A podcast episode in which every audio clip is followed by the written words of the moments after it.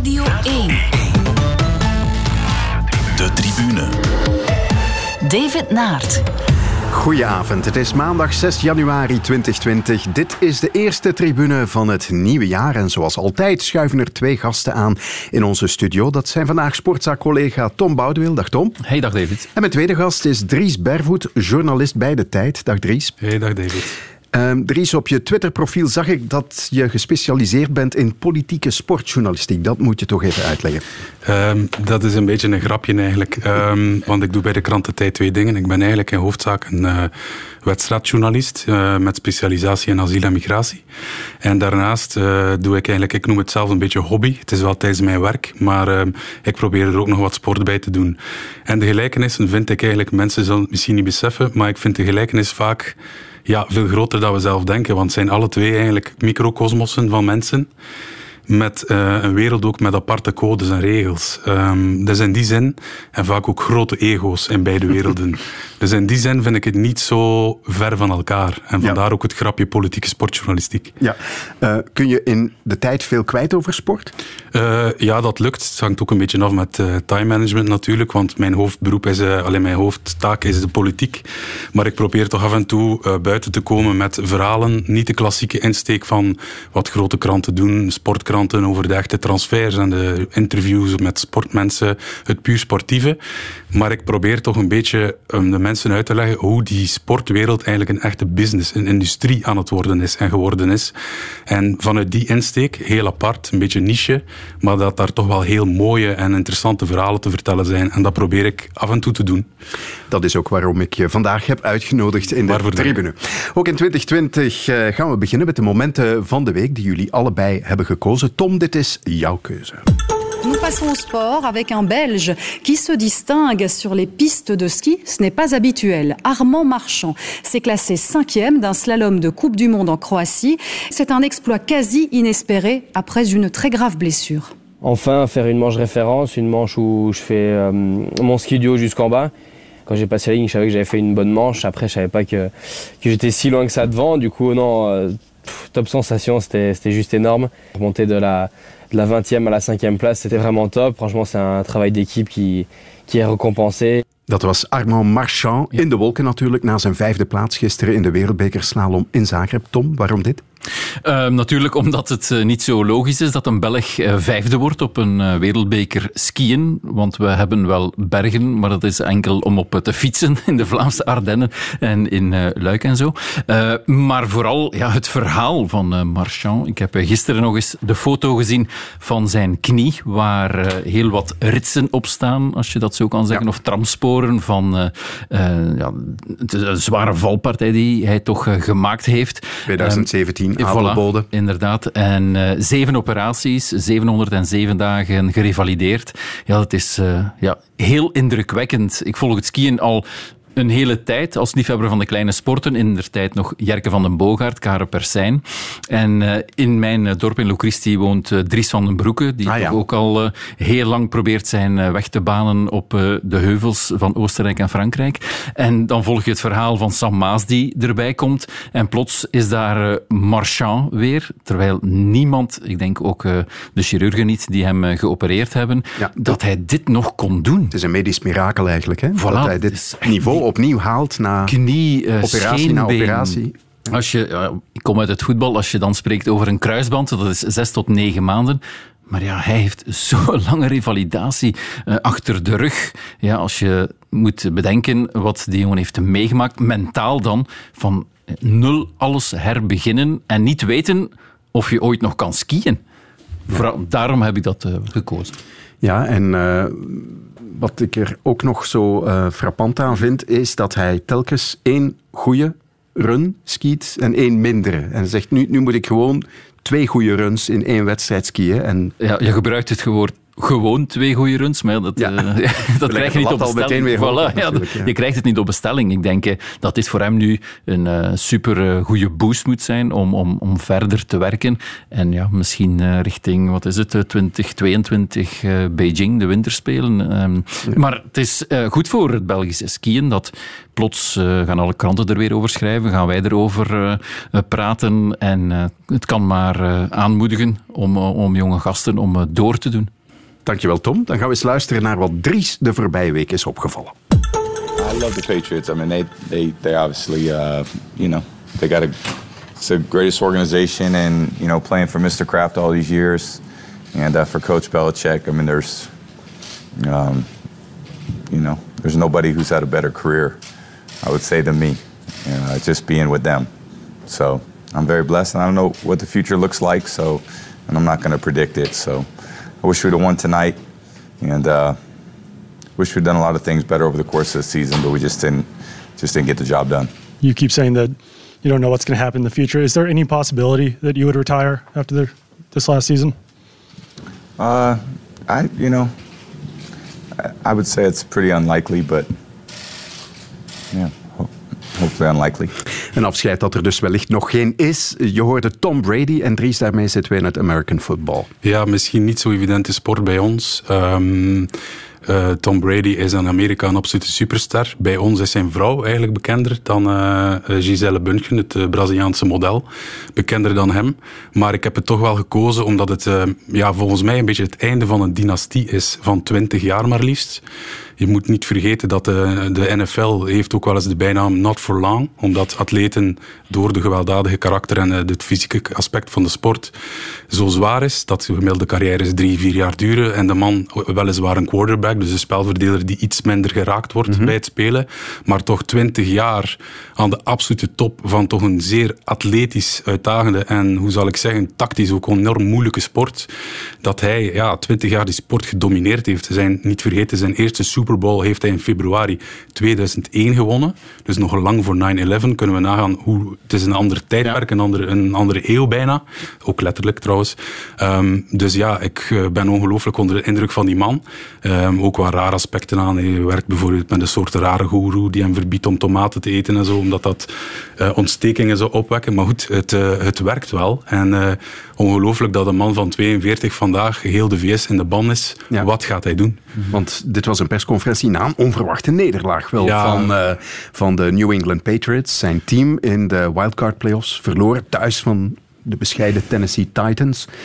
Dat is ook het einde van een tijdperk. Absoluut. Ehm, het is verwacht en onverwacht een beetje, omdat je toch zag dat er in de VS ook, eh, er is een hele goede speler, ehm, ik ga niet te technisch worden, maar een tight end, Rob Gron- Gronkowski, die gestopt is, waardoor men toch ook een beetje vond dat ehm, de ploeg in zijn geheel wat minder goed was geworden. Maar je mag niet vergeten, wat ook heel opvallend is aan Brady, is dat hij altijd, het is een beetje moeilijk om dat dan naar de, naar de Belgische, de Vlaamse luisteraar te brengen, maar eh, hij heeft bij bepaalde momenten zijn max-contract, hè, zijn absolute, op een bepaald moment kon hij eh, zoveel miljoen, tientallen, misschien 100 miljoen dollar opnemen en hij ging altijd voor iets lager, waardoor dat zijn team ehm, spelers, extra spelers kon aanwerven om het team beter te maken. hij, hoef- hij kon dat ook doen, net omdat hij met een vrouw zit die ook zoveel geld verdient, dus voor hem hoefde het niet zo nodig.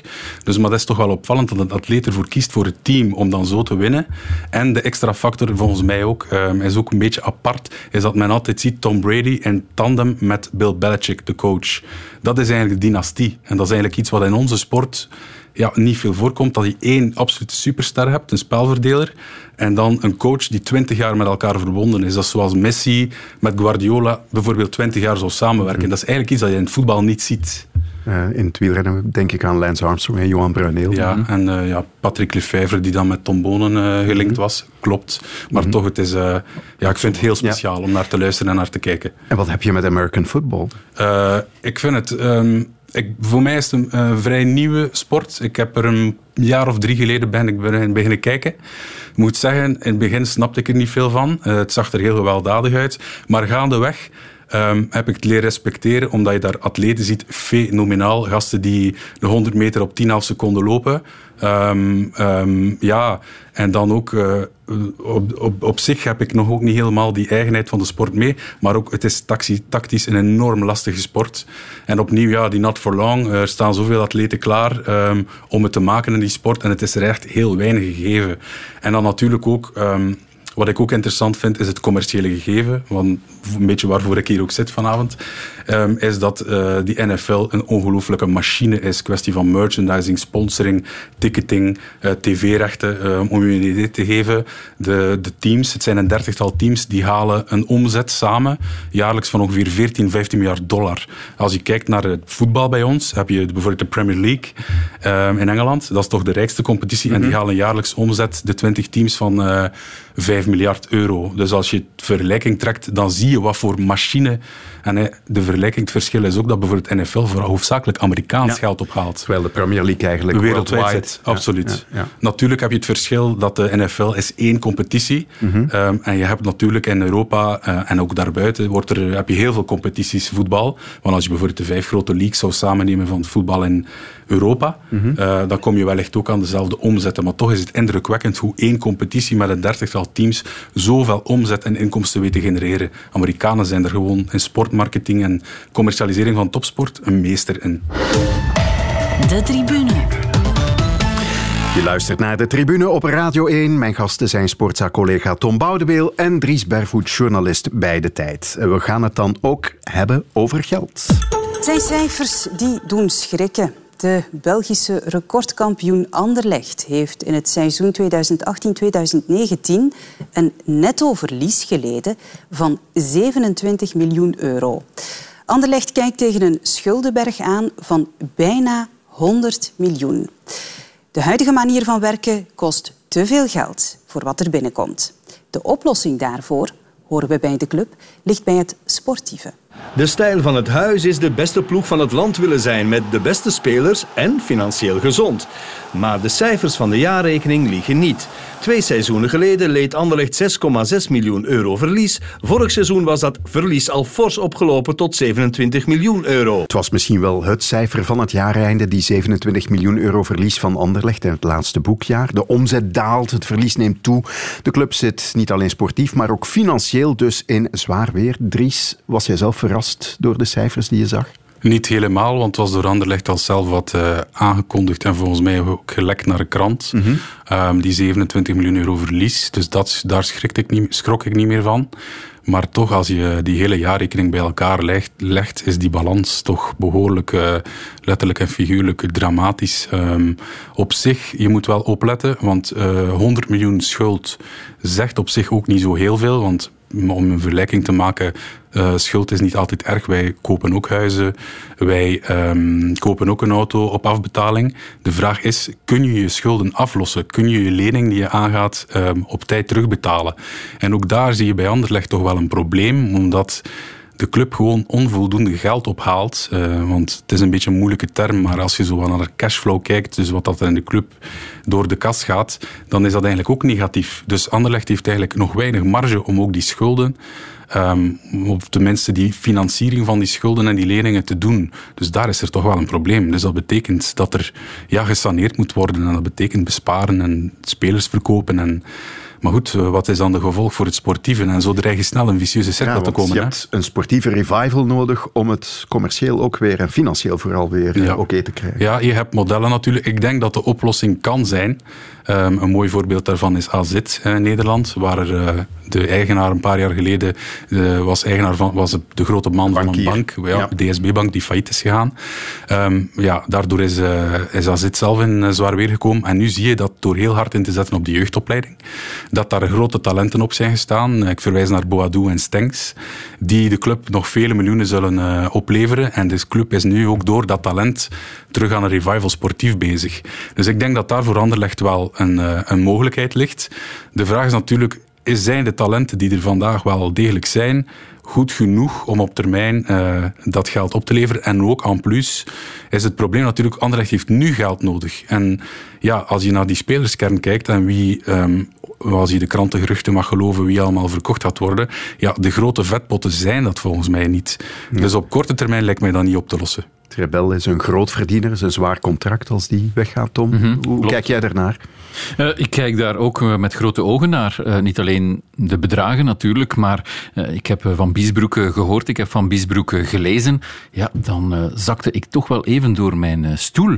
Als je aangeeft dat het door een samenloop van omstandigheden is en dan is dat omdat ze geen Champions League gespeeld hebben, maar Europa League, dan vraag ik mij af, budgetteer je dan op, de Champions, League? ja. dat, dat, is een, een, grote vraag. Maar eigenlijk gemiddeld maar één Belgische club per seizoen voilà. Nu, dit seizoen waren er uitzonderlijk nog eens twee. ja.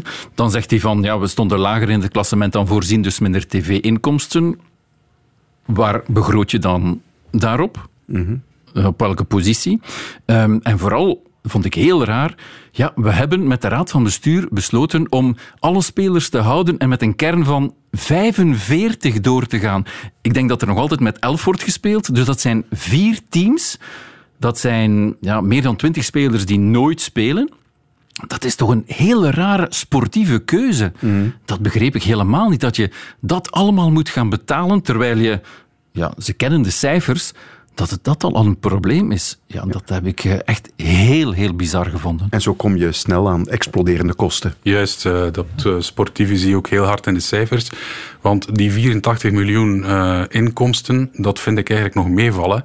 Maar het mhm. grote probleem bij Anderlecht zijn die kosten. Dat je ziet dat men, geloof ik, vorig jaar 106 miljoen en dat is nu in de nieuwe jaarrekening voor het vorige seizoen dus, is dat al gestegen naar 109 eh, miljoen. En ik maak me daar toch ook een beetje zorgen als je kijkt naar die kosten voor makelaars. Er zit blijkbaar 38 miljoen euro in. Als je dat vergelijkt met Club Brugge, dat is 23 miljoen. Standaard, dat is 19 miljoen. Dus dat ja, dat, zijn allemaal, dubbele. Ja, dat zijn allemaal heel vreemde cijfers. Anderlecht zelf dat, zegt dat dat nog een erfenis van het verleden is. Goed, daar loopt wel nog wat eh, gerechtelijke, gerechtelijke onderzoeken en zo, wat er in het verleden allemaal gebeurd is. Maar het zijn toch wel hele rare cijfers allemaal.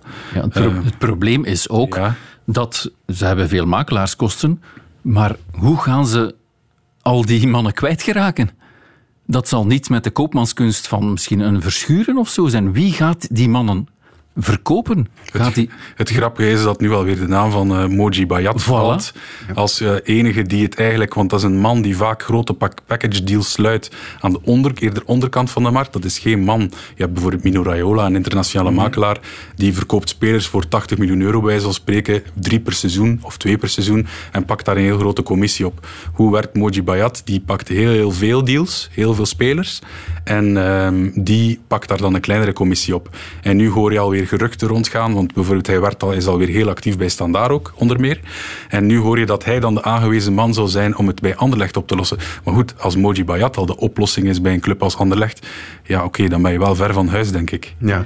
Hij stond ook op die foto die gelekt is van uh, de mails van uh, Michael Verschuren stond hij ook uh, erbij. Dus. Juist. Ja. Tom, je had het al over Jo van Biesbroek, mm -hmm. de, de, operationele directeur, ja. financiële directeur eigenlijk van de club. Groot interview gegeven aan het laatste nieuws. Mm -hmm. Afgelopen zaterdag, wat mij daar ook opviel, was dat hij eigenlijk zegt dat er relatief weinig ervaring in het bestuur zit. Ja, dat klopt ook. natuurlijk. Dat klopt ook. Dat, is, dat is ook zo. En dat hoor ik eh, ook eh, intern. Dat um, ja, Michael Verschuren moet het daar allemaal maar doen. Want wie bepaalt het sportieve beleid? Ik ga ervan uit Vincent Compagnie. Mm -hmm. Maar ik denk niet dat hij ook er nog eens gaat bijnemen dat hij met eh, alle spelers moet eh, gaan, eh, gaan praten. Is er een grote scoutingcel? Vraagteken. Dus Frank Arnesen is niet vervangen. Dus wie moet het daar allemaal doen? Er is gewoon te weinig sportieve know-how. Mark Koeken heeft die ook niet. Ja.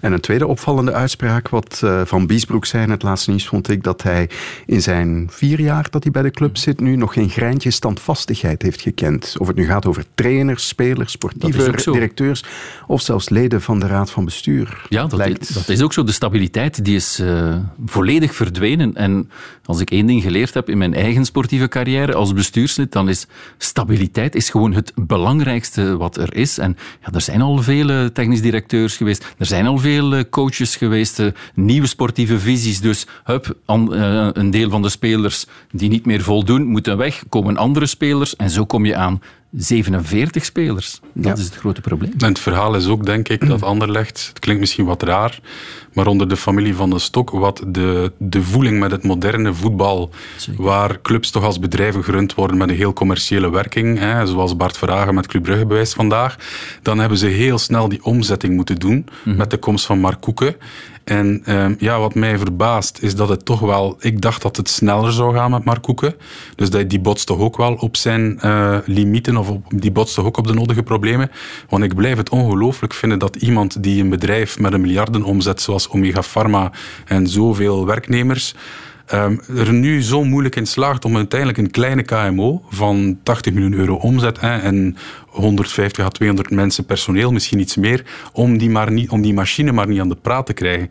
Dat vind ik toch wel heel opvallend. Maar dat is ook gebeurd bij Club Brugge natuurlijk. Ja. Ehm, eh, toen eh, Verhagen gekomen is, als je zijn boek gelezen hebt, het eerste wat je moet doen bij een club is VZ2 afschaffen en naar een eh, NV gaan. Dat hebben de meeste clubs nu ondertussen gedaan, behalve Racing Genk, eh, veronderstel ik. En, en Bart Verhagen heeft ook heel veel dinosaurussen, tussen aanhalingstekens, heeft hij opzij geschoven. En er is ook een gigantisch verloop geweest, zoeken naar de juiste match. De, want ondertussen, ja, er, is, er zijn heel veel eh, marketingmannen, er is een heel groot personeelsbestand, maar dat is heel vaak de voorbije jaren eh, is dat eh, ja, gezuiverd, nieuw eh, bijgekomen. En ik denk dat uh, Koek op die weg uh, is ingeslagen en dat hij nu naar de juiste pionnen zoekt om het bedrijf Anderlecht, want het klopt inderdaad, het moet heel snel uh, omgeturnd worden, dat hij nu naar de juiste pionnen aan het zoeken is. Ja, oké, maar als ik nog even mag, het is toch wel zorgwekkend omdat net nu, op dit moment, alle neuzen in dezelfde richting moeten, zouden moeten staan bij Anderlecht. En het is echt crisis, dat je dan toch verhalen hoort. En ik heb trouwens een groot respect voor meneer uh, Jo van Biesbroek die toch zijn adelbrieven kan voorleggen bij ABMF, dus ik denk als er iemand is die het uh, financieel weer kan omzetten, hij het wel is. Maar als je dan verhalen binnen de club hoort, waar dus bijvoorbeeld meneer uh, Vincent Compagnie en Koeken toch uh, dat daar wel beruis op de lijn zit. Er is zelfs sprake dat die nog heel weinig communiceren. Ook tussen Koeken en Michael Verschuren zouden er spanningen zijn. Ja, dat klinkt toch allemaal niet zo goed als je, als je bij zo'n crisissituatie zit en het bedrijf weer, op, weer, op, weer eigenlijk moet uit het moeras trekken. Dus ik maak me toch wel wat zorgen daar rond. Ja. Ze willen in elk geval die spelerskern snel gaan afslanken, maar ja, echt veel beweegt er natuurlijk nog niet. Hè? Maar ja, Telin weg, ja. uh, Kipchu bijna. Maar ja, wie, wie wil die spelers en aan welke prijs? -hmm. Ja, dat, dat, is het grote probleem. Ze gaan er geen miljoenen voor krijgen. Voor het enige, de winst die je kan maken is een zwaar contract dat je kwijt bent. Wat ik kan zien bij, op kleiner niveau natuurlijk bij Oostende is geweest. Dat je die niet meer moet betalen. Maar ja, uitlenen bijvoorbeeld. Ja, er zit vaak ook nog een kost aan die je moet blijven doorbetalen. En het grote probleem vind ik, stel dat ze geen play-off 1 spelen. Dus hebben ze weer de inkomsten niet van play-off 1 de prijs voor plaats 7 of 8 is ook weer veel lager. Als we niet via play-off 2 Europa ingaan, want die kans is ook altijd redelijk klein, um, ja, dan hebben ze weer geen Europees voetbal. Dus dat is een vicieuze cirkel. Wat betekent ook dat Verscharen niet kan schitteren op play-off 1 niveau, dat Lokonga niet kan schitteren op play-off 1 niveau. Die marktwaarde ook weer voilà, De marktwaarde die zakt nog naar beneden. Dus waar gaan ze dat geld dan nog halen? Mm -hmm. Dus de play-off 1 is, ja, dat is het walhalla voor hen geworden. Dus ja. daar moeten ze zich ja. aan vasten. Het verhaal is nu dat men blijkbaar echt wel voor het eerst zal op de sportieve werking, dus uh, ik spreek over scouting, jeugdopleiders, uh, ook A-kern, uh, gaat moeten snijden. Dus, de, dus zoals jij terecht zegt, die vicieuze cirkel, hoe kun je die in godsnaam doorbreken? En opnieuw, je kunt dat op een bepaald moment wel doen door echt groot, als er een Jurie Tielemans rondloopt, mm -hmm. dat je voor 20 miljoen in één keer kunt verkopen, zij, ben je deels gered.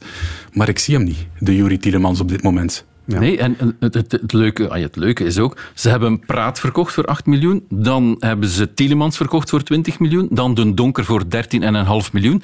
Samen is dat toch al een uh, aardig bedrag. Juist. Plus, jij bent er meer in beslagen, ze hebben een boost gekregen met Mark Koeken, want die zal vriendjes meegebracht hebben om uh, mee te investeren, uh, om reclame te maken, sponsoring. Ja. Ze hebben de boost gehad met Company, ja. het jaar daarna. Ja. Dus nu, ja, een derde boost, weet ik niet waar die vandaan kan komen. Dus er zijn eigenlijk positieve dingen geweest om, om geld te genereren. En toch zijn die cijfers nog zo zwart. Cynische opmerking van mij. Uh, de terugkeer van Anthony van den Borre misschien toch? wie weet, maar wie weet, ja. Wat vind je daarvan? Uh, dat hij mee op stage is. Ik vind het heel bizar, maar ja, um, dat is het hele verhaal van Anthony van den Borre natuurlijk. Het is een heel bizar verhaal. Het is nu al zo lang geleden dat hij geschot heeft. En dan, het grappige vind ik dan, en ook het cynische, is dat je dan leest van, ja, maar hij heeft wel heel goed gewerkt en dit en dat. Ja, dat zal wel zeker. We zullen zien. Tot zover Anderlecht. Uh, laten we eens een andere club bijnemen die rode cijfers heeft geschreven. Dat is Standaard. Uh, Dries, jij hebt die ook bekeken, die cijfers. Wat is er daar aan de hand? Uh, het is op zich um, veel genuanceerder dan bij Anderlecht. Um, Standaard is een club die ergens een beetje tussen Anderlecht en het goede voorbeeld best practice dan Club Brugge zit. Um, als ik kijk, zij hebben een verlies van 8,5 miljoen. Um, nee, sorry, ik ben verkeerd. Uh, ja, toch, ja, toch wel. Ja, ja maar wat je wel ziet is dat het eigen vermogen, eigen vermogen dus het de spaarpot van de club, um, heel fel geslonken is, van 17 miljoen naar 8,5. De schuldgraad is uh, geloof ik rond de 40 miljoen, dus dat valt mee. Um, dus uh, standaard moet wel wat opletten, maar het valt ook wel mee. Maar wat hij bij die club ziet, en dat is iets wat nogal uh, sterk verbonden is met het verhaal van Belgische voetbal, voetbal, zij hebben echt transfers nodig om uit de kosten te raken. Um, als dat niet kan, dan zitten ze meteen in, in, de rode cijfers. En de nuance moet er ook bij dat de club zelf zegt dat dit verlies op zich geen probleem hoeft te zijn, omdat, uh, want wat doen clubs? Um, de, dit cijfer, dus de, deze jaarrekening slaat op het vorige jaar, ja. vorig seizoen. En op het einde van het seizoen hebben ze twee spelers verkocht, Marine en Genepo. En die, zijn eigenlijk, die worden pas dit jaar geboekt. Dus Standaard zegt zelf, we hebben voor 25 miljoen verkocht. Dus als wij dat opnemen in de cijfers, zitten wij weer uh, goed. En dat klopt ook. Alleen is het soms denk ik een beetje makkelijk voor clubs om altijd te zeggen, ja, operationeel uh, lukt het niet, hogere kosten dan opbrengsten en dan rijden we het gat maar dicht met transfers. Veel clubs zijn overtuigd, omdat dat nu eenmaal het model is van de Belgische voetbal, dat, dat, dat eigenlijk transfers bijna verbonden zijn met een operationele dagelijkse werking. En dat klopt ergens ook wel, maar het is ook zo volatiel dat je daar toch voorzichtig mee moet zijn, denk ik. Ja. En als er ooit een uh, Beneliga komt en de regels zeg maar, uh, van België en Nederland worden geharmoniseerd, ja, dan zal het wel richting Nederlands uh, normen gaan, denk ik. Ja, daar ga ik Minimumlonen voor niet-EU-spelers. Uh, daarmee komt dat Belgisch model al helemaal op de helling te staan, natuurlijk. Ja, dat klopt. Um, maar mensen die de sector of het wereldje goed kennen, zeggen mij ook, misschien moeten clubs dat maar eens na gaan denken. Er is één club, denk ik, of toch een paar, maar het voorbeeld is dan weer Club Brugge, die dat heel goed doet veel meer inzetten op commerciële werking. Uh, sponsors. Um, sociale media. Sociale media. Um, eigenlijk echt commercieel, recurrent. Dus inkomsten die je jaarlijks krijgt. Uh, fanbeleving, merchandising, noem maar op. In plaats van altijd maar op uh, ja, transfers in te zetten. Wat op zich valabel is, vind ik, om als, als deel van je zakenmodel. Maar als je daar alles gaat op inzetten, is dat toch ook niet verstandig. En dan op tv-geld. Uh, dus ik denk dat daar wel nog heel veel winst te rapen valt. Zeker voor de, de, voor de kleinere clubs is dat natuurlijk wat moeilijker. Maar zeker voor de grotere clubs, dat daar toch wel, ja, wel wat te rapen valt. Want als je kijkt, je, je mag absoluut niet vergelijken. Maar clubs als Manchester City, Chelsea, dat is de grote clubs in het buitenland, die hebben daar toch geïnspireerd vaak op hun Amerikaanse evenknieën hebben die daar toch wel veel van geleerd. En dan zie je dat die gewoon uit bedrijfsvoering, sponsoring, honderden miljoenen euro ophalen.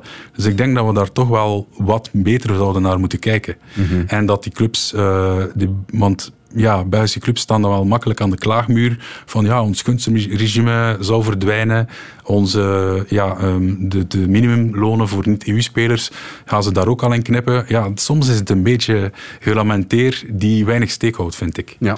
Uh, Tom, zullen we standaard ook even sportief nog bekijken, want het viel mij toch op uh, in de aanloop naar de winterstop hoe uh, pover de club presteerde met 2 op 12. Wat is er aan de hand? Uh, ja, geblesseerden, zeggen ze. En ik uh, heb veel uh, waardering voor Renat Philippaerts, die altijd de rechterhand is van Michel Predom. Maar het is wel opvallend dat er heel veel blessures waren. Heel slecht veld ook. Misschien ligt het daaraan. Maar ik ben nog eens gaan opzoeken, want ik was het vergeten. Maar ze zijn wel gestart met 12 op 15 en toen was het uh, Hosanna en leek, uh, Club, uh, leek de challenger van Club Brugge gekend en kwam de boutade dat het tweede seizoen van Michel Prudhomme ja. is altijd... Eerst het, heeft hij tijd nodig. Hè? Ja, het ja. heeft hij tijd nodig en dan kan hij de groep naar zijn hand zetten, lees een aantal spelers bijhalen. Maar ja, het is voorlopig een hele zware decembermaand geweest met ook die uitschakeling in de Europa League en de beker. Dus er is enkel nog de competitie competitie. En het uh, aantal doelpunten maken, daar wordt ook heel vaak uh, naar verwezen. Je zit natuurlijk met de blessure van Emon. Oulare ja, is altijd een twijfelgeval. Ja. Dat moet je als sportieve cel toch altijd uh, inschatten. En dan Avenatti is, heeft zich ook nog niet kunnen tonen. En dan zit je natuurlijk ook met die ja, verdedigende, verdedigende middenvelders, heel veel wedstrijden, uh, de ongeleide projectielen, uh, niet alleen naast het terrein, maar ook op het Erop, terrein. Ja. Um, dus ja, uh, ik weet niet of het... Uh, het zal van in het begin goed moeten uh, gaan, want... Veel marge hebben ze niet, hè? Want voilà. vijfde maar, één puntje meer dan KV Mechelen. Ze zitten te drummen. De Wageningen zit er nog aan te komen. En dus, anderen. en als je begint met een uitwedstrijd in KV Mechelen, ja, dat lijkt me ook geen gezondheidswandeling, want die gaan ook vol voor die top 6, denk ik. Dus het is maar te hopen dat ja, de mayonaise snel weer gaat pakken en dat de geblesseerden terugkeren. Ja, tot zover standaard, uh, want de tijd gaat altijd snel in de tribune. Ik wil het toch ook nog even hebben, en we hebben het al aangeraakt, de competitieleider Club Brugge. Uh, eerste cijfers, Dries, dat is een heel ander verhaal. Uh, je hebt het eigenlijk al aangehaald ook, maar een, een hogere omzet nu al dan, dan Anderlecht. Winst ook het afgelopen boekjaar. Um, heeft Club Brugge op, op financieel en, en structureel vlak de concurrentie in België achter zich gelaten? Zeker. Uh, alleen al het feit dat er nu verhalen gaan dat ze aan het onderhandelen zijn over een Argentijnse spits, blijkbaar, die 13 miljoen euro zou gaan kosten. Dus dat geeft wel aan hoe Club Brugge ervoor staat vandaag. Um, wat ze heel goed doen, uh, die omzet is gestegen, dus dat is 93 miljoen euro. Um, alleen Anderlecht heeft ooit eens beter gedaan, denk ik.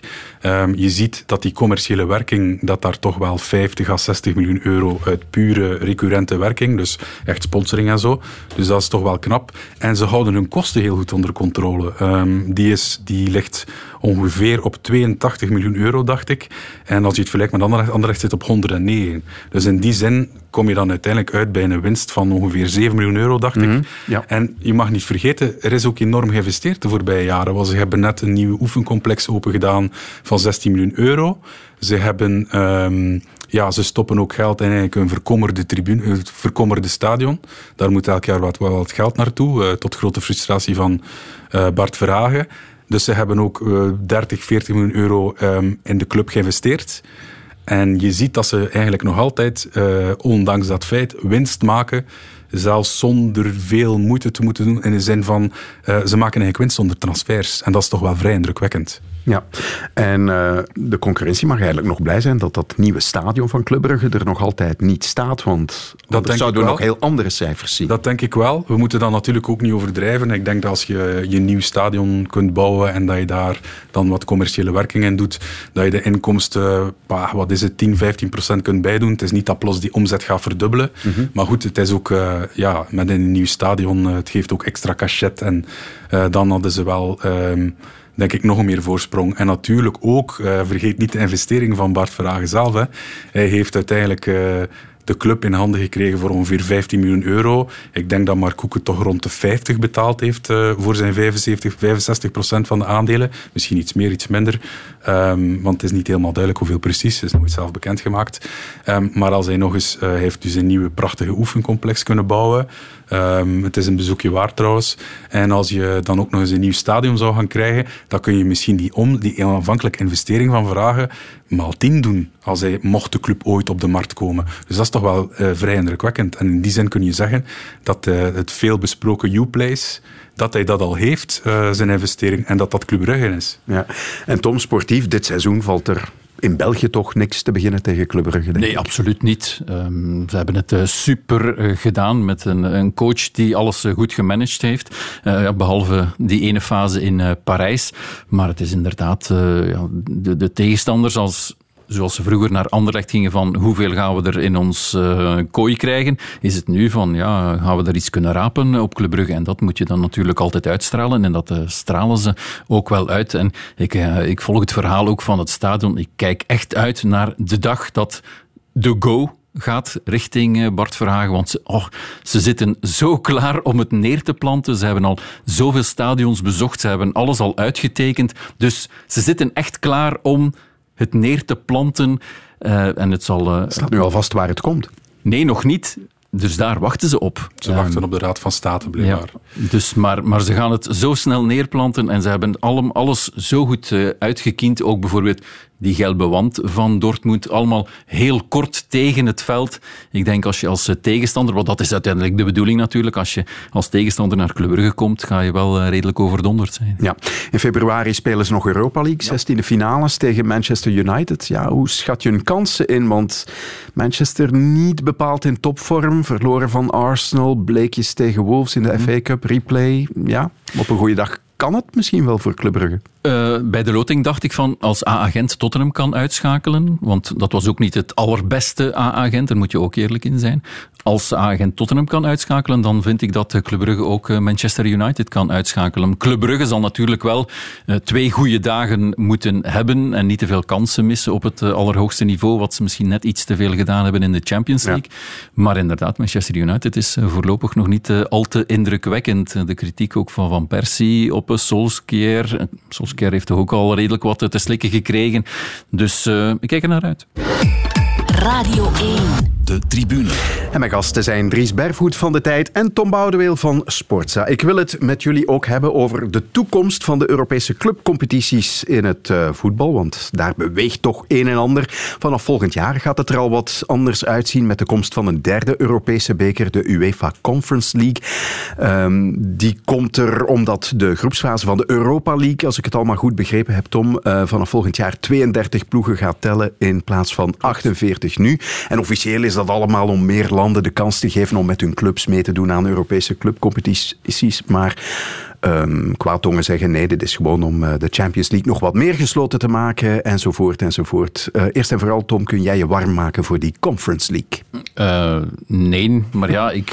We gaan wel moeten, hè, want ja, er gaan Belgische clubs en, in zitten. Wel ja, ik ging net zeggen, ik heb de, dit jaar A-agent mogen volgen in die voorrondes en dan kom je wel op leuke plaatsen, vind ik. Uh, als je houdt van uh, de cultuur of van het stadion. Je ziet uh, stadions die je anders niet ziet. Je komt op plaatsen waar je zeker niet op huwelijksreis gaat. Zeg nog eens waar je geweest bent.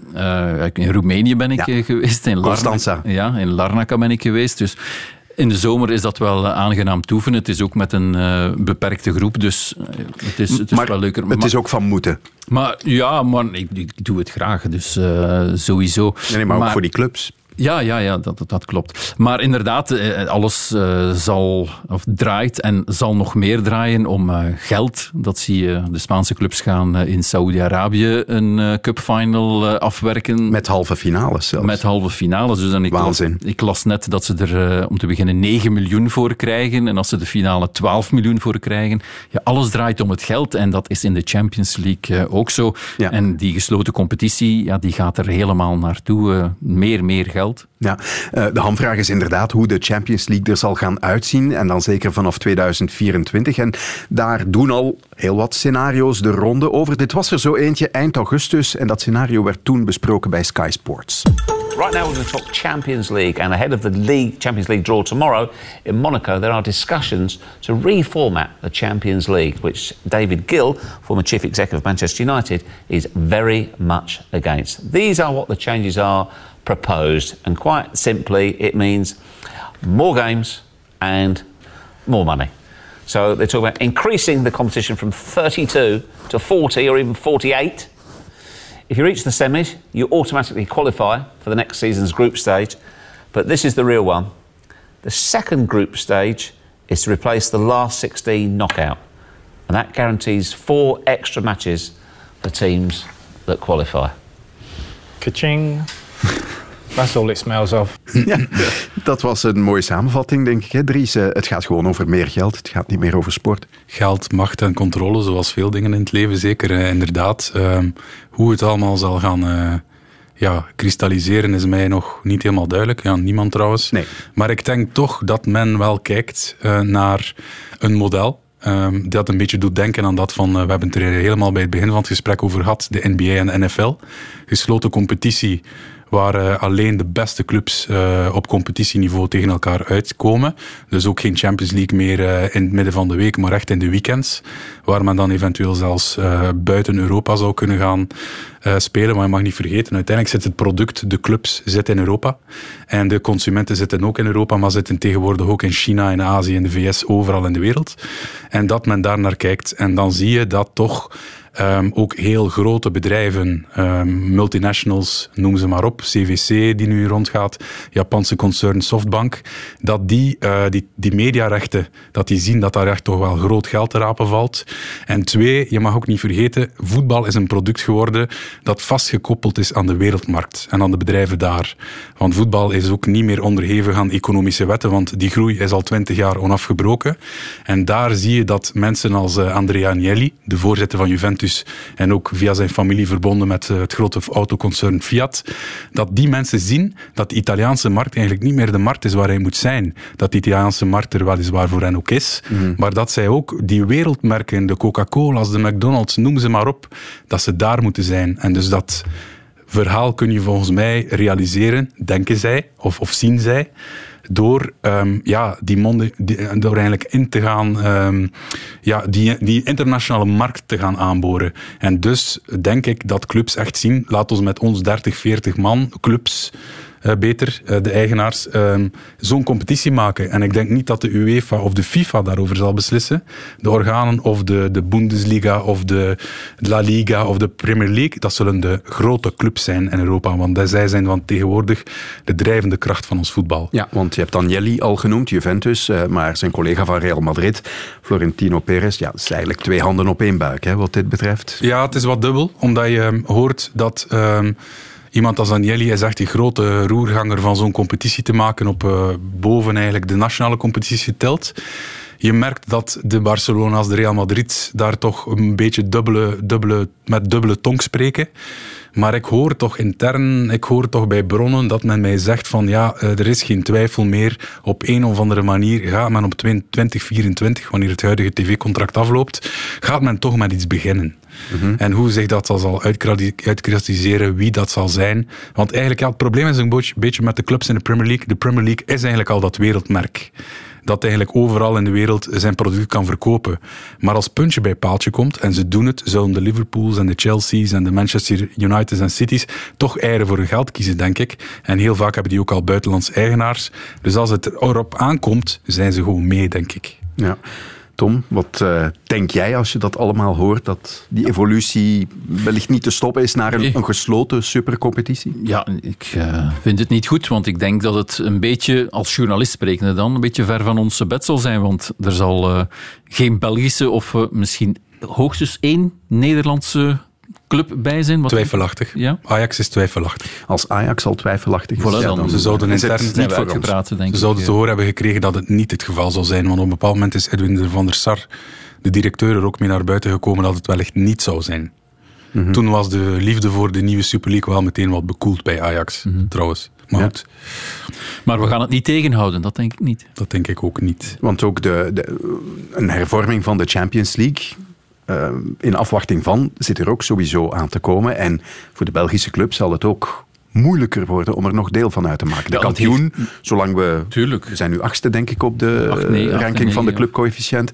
Um, maar ja, een heeft... vice-kampioen, zoals Club Brugge, mm -hmm. dit seizoen, dat zouden we niet meer nee, meemaken dat heeft, in de toekomst. Uh, dat herinner ik me hier. Vincent Mannaert een paar weken geleden heeft, uh, heeft dat ook uh, gezegd. Ja, dat als hij samen zat met de mannen van Real of van Paris Saint-Germain, ja, die dachten van binnenkort zitten we toch niet meer samen, want voor ons leeft het echt niets op, behalve 90 minuten dat we ons moeten inspannen met een A of een B-team. Als ik een voorbeeld mag geven van wat aan de hand is. Recent heeft uh, Silver Lake, dat is een grote Amerikaanse uh, een fonds, een investeerder in grote technologiebedrijven, onder meer Dell, uh, dat soort bedrijven. Dus om je een idee te geven, die hebben een uh, 10% gekocht in Manchester City. Uh, voor 500 miljoen euro. Wat ongeveer Manchester City waardeert op rond de 5 miljard. Hè. Maar wat zag je daarna? De week erop kocht uh, Manchester City een aandeel in Mumbai, een, uh, een Indiaanse club. club. En wat blijkt? De nieuwe Indiaanse competitie die begonnen is, uh, vorig jaar gestart denk ik. Wie is daar eigenaar van? Onder meer IMG. En dat is een grote um, ja, een sportmarketing rechtenbedrijf mm -hmm. dat gelinkt is aan, uh, aan Endeavor. En met wie is Endeavor ook weer gelinkt? Met Silver Lake. Um, Cirkel is rond. IMG is bijvoorbeeld iemand, zij hebben iemand als uh, grote atleten, bijvoorbeeld Serena Williams in portefeuille. Maar dat zijn echt miljardenbedrijven waar tegenwoordig ook ja, de, uh, Egon Durban, de man achter Silver Lake, ja, dat zijn miljarden investeerders. Dus dat hou je gewoon niet tegen. Als zij het geld hebben gezien en die clubs kunnen verleiden, en dat gaan ze ook doen, want er is al sprake van die nieuwe Champions League, dat dat uh, tot dubbel, verdubbeling van de inkomsten gaat leiden. Als je ziet, Barcelona, die hebben nu al een miljard omzet, dan kunnen ze naar twee gaan. Dus over dat soort bedragen zijn we aan het spreken vandaag. En volgens mij hou je dat gewoon niet tegen. Ja, en er is ook de FIFA, hè, die nog zijn graadje wil meepikken met uh, dat vernieuwde WK ja. voor clubs. Vanaf volgend jaar is dat al. Toernooi met maar liefst 24 clubs. Dat zal ook wel zonder een Belgisch team zijn, denk ik. Uh, ja, en uh, wanneer gaat dat dan plaatsvinden, vraag ik mij af.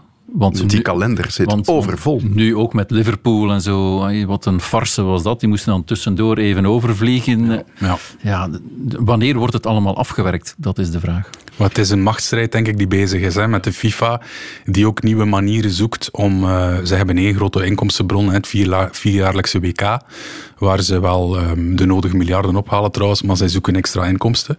Dus denken zij ook om meer controle te, werven, te verwerven via de clubs, omdat dat toch vandaag de drijvende krachten van het internationale voetbal zijn.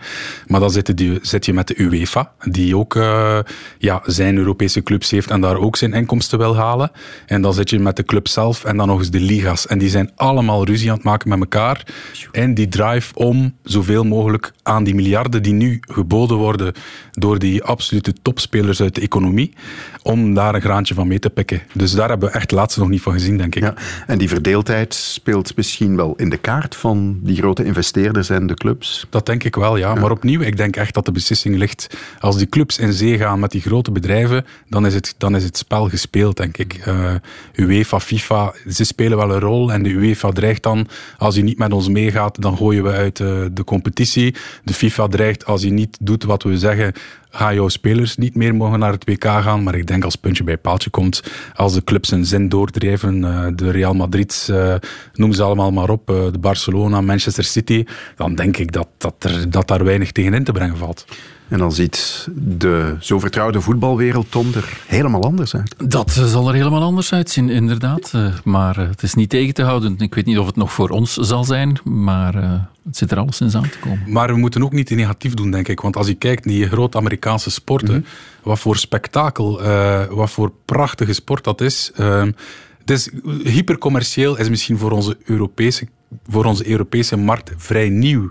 Maar het hoeft niet zo slecht te zijn, denk ik, wat daaruit kan komen. Maar goed, zoals uh, vorige week is uh, David Stern overleden, de -hmm. bekende NBA-commissaris, mm -hmm. die ooit die de vergelijking maakte met dat uh, entertainment, sport, dat dat hetzelfde is. Hij zei, Disney heeft pretparken, wij hebben stadions.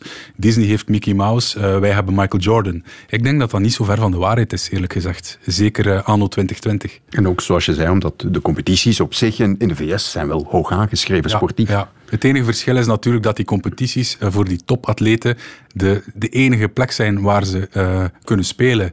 Je hebt dan wel het probleem als je die uh, A-categorie van voetbalclubs die vandaag al bestaat, ze helemaal gaan afsplitsen. Ja, de lager onder, hè? want de Belgische clubs, Club Brugge, Anderlecht, ja. wat gaan zij dan ook doen? En dan kom je uit natuurlijk bij wat Bart vragen, waarom hij zo ijvert en dat Nederlandse clubs er nu stilaan ook oren naar hebben. De Beneliga, maar of dat dan de oplossing is, ik weet het niet. Nee, dat klopt. Ja. Veel vraagtekens voor de jaren die komen in het voetbal. Dat is duidelijk. We hebben nog een minuutje. Dat wil zeggen dat de eerste aflevering van de tribune in 2020 bijna afgelopen is. Maar ik heb dus toch nog de tijd om jullie allebei te vragen waar jullie komende week nog naar uitkijken op sportief gebied. Dries, jij mag eerst. Het is misschien niet helemaal komende week, want uh, de competities liggen stil. Maar ik kijk wel enorm uit naar het debuut van die jonge Noor bij Dortmund, Haaland. Ah ja, die heeft sensatie gemaakt bij ik Salzburg tegen sport, Genk. Sportief is het uh, echt wat Dortmund nodig had, denk ik. Die, uh, die targetspits. Uh, blijkbaar, blijkbaar ook op de radar gestaan van Club Brugge op een bepaald moment. Maar wat er heel leuk aan het verhaal is, en daar komen we een beetje bij uit bij wat ik uh, al gemerkt heb, is dat uh, hij is blijkbaar gehaald bij Dortmund via de CEO van Puma, die een Noor is. Ah, voilà. voilà. Tom, waar kijk jij nog naar uit? Maar er is niet zoveel. Ik ga gewoon het volleybal volgen op weg naar een Olympisch ticket, al zeg ik dat met een beetje cynisme. Oké, okay. en daarmee zitten we aan het einde van de eerste tribune van 2020. Straks ook te herbeluisteren als podcast. Zometeen is er Wonderland. Fijne avond nog.